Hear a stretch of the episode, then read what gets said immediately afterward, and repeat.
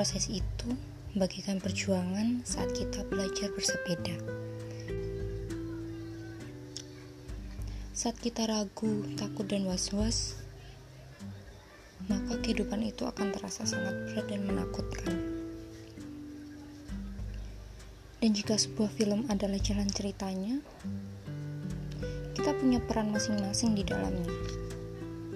Saat kita sudah mulai untuk memperagakan cuplikan filmnya, bisa saja tiba-tiba dialog atau malah skenario-nya yang diganti. Meskipun begitu, akan tetap ada makna di dalam setiap cerita. Aku adalah orang yang mudah hancur hanya dengan realita atau asumsi sendiri. Bahkan aku sering dianggap berlebihan sampai gila karena terlalu takut dan bingung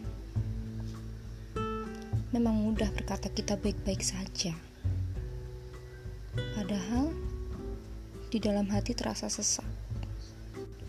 Untuk melepas sesak, biasanya kita akan bercerita kepada teman. Tapi tetap saja, hanya 40% yang hilang. Karena hanya kita yang tahu bagaimana rasanya. Dan kita merasa itu percuma ingin bercerita kepada ibu pun, aku takut membuatnya khawatir. Dan pada akhirnya, kita sendiri yang berusaha untuk menahannya. Kita hidup bukan berdasar apa yang kita mau, melainkan apa yang kita mampu. Bukankah jika kita mau tapi tidak mampu, kita tidak akan bertahan? Karena hidup adalah proses belajar dan berjuang tanpa batas.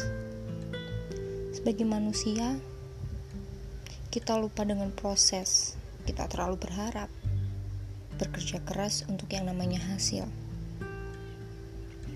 Padahal, kita tidak akan menemukannya karena kita akan terus berproses. Mungkin jika hasil sudah tercapai, kita tidak akan membentuk diri kita yang seperti ini. Ada yang bilang proses akan selesai jika sudah pada akhir zaman. Tetapi kita tahu bahwa setelah itu tetap akan ada tahapan terus dan terus untuk kehidupan selanjutnya. Pada intinya, proses tidak akan ada akhir.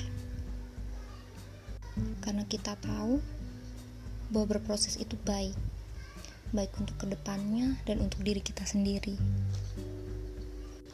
Tenang saja, karena Tuhan tidak akan memberikan cobaan lebih dari kemampuan umatnya.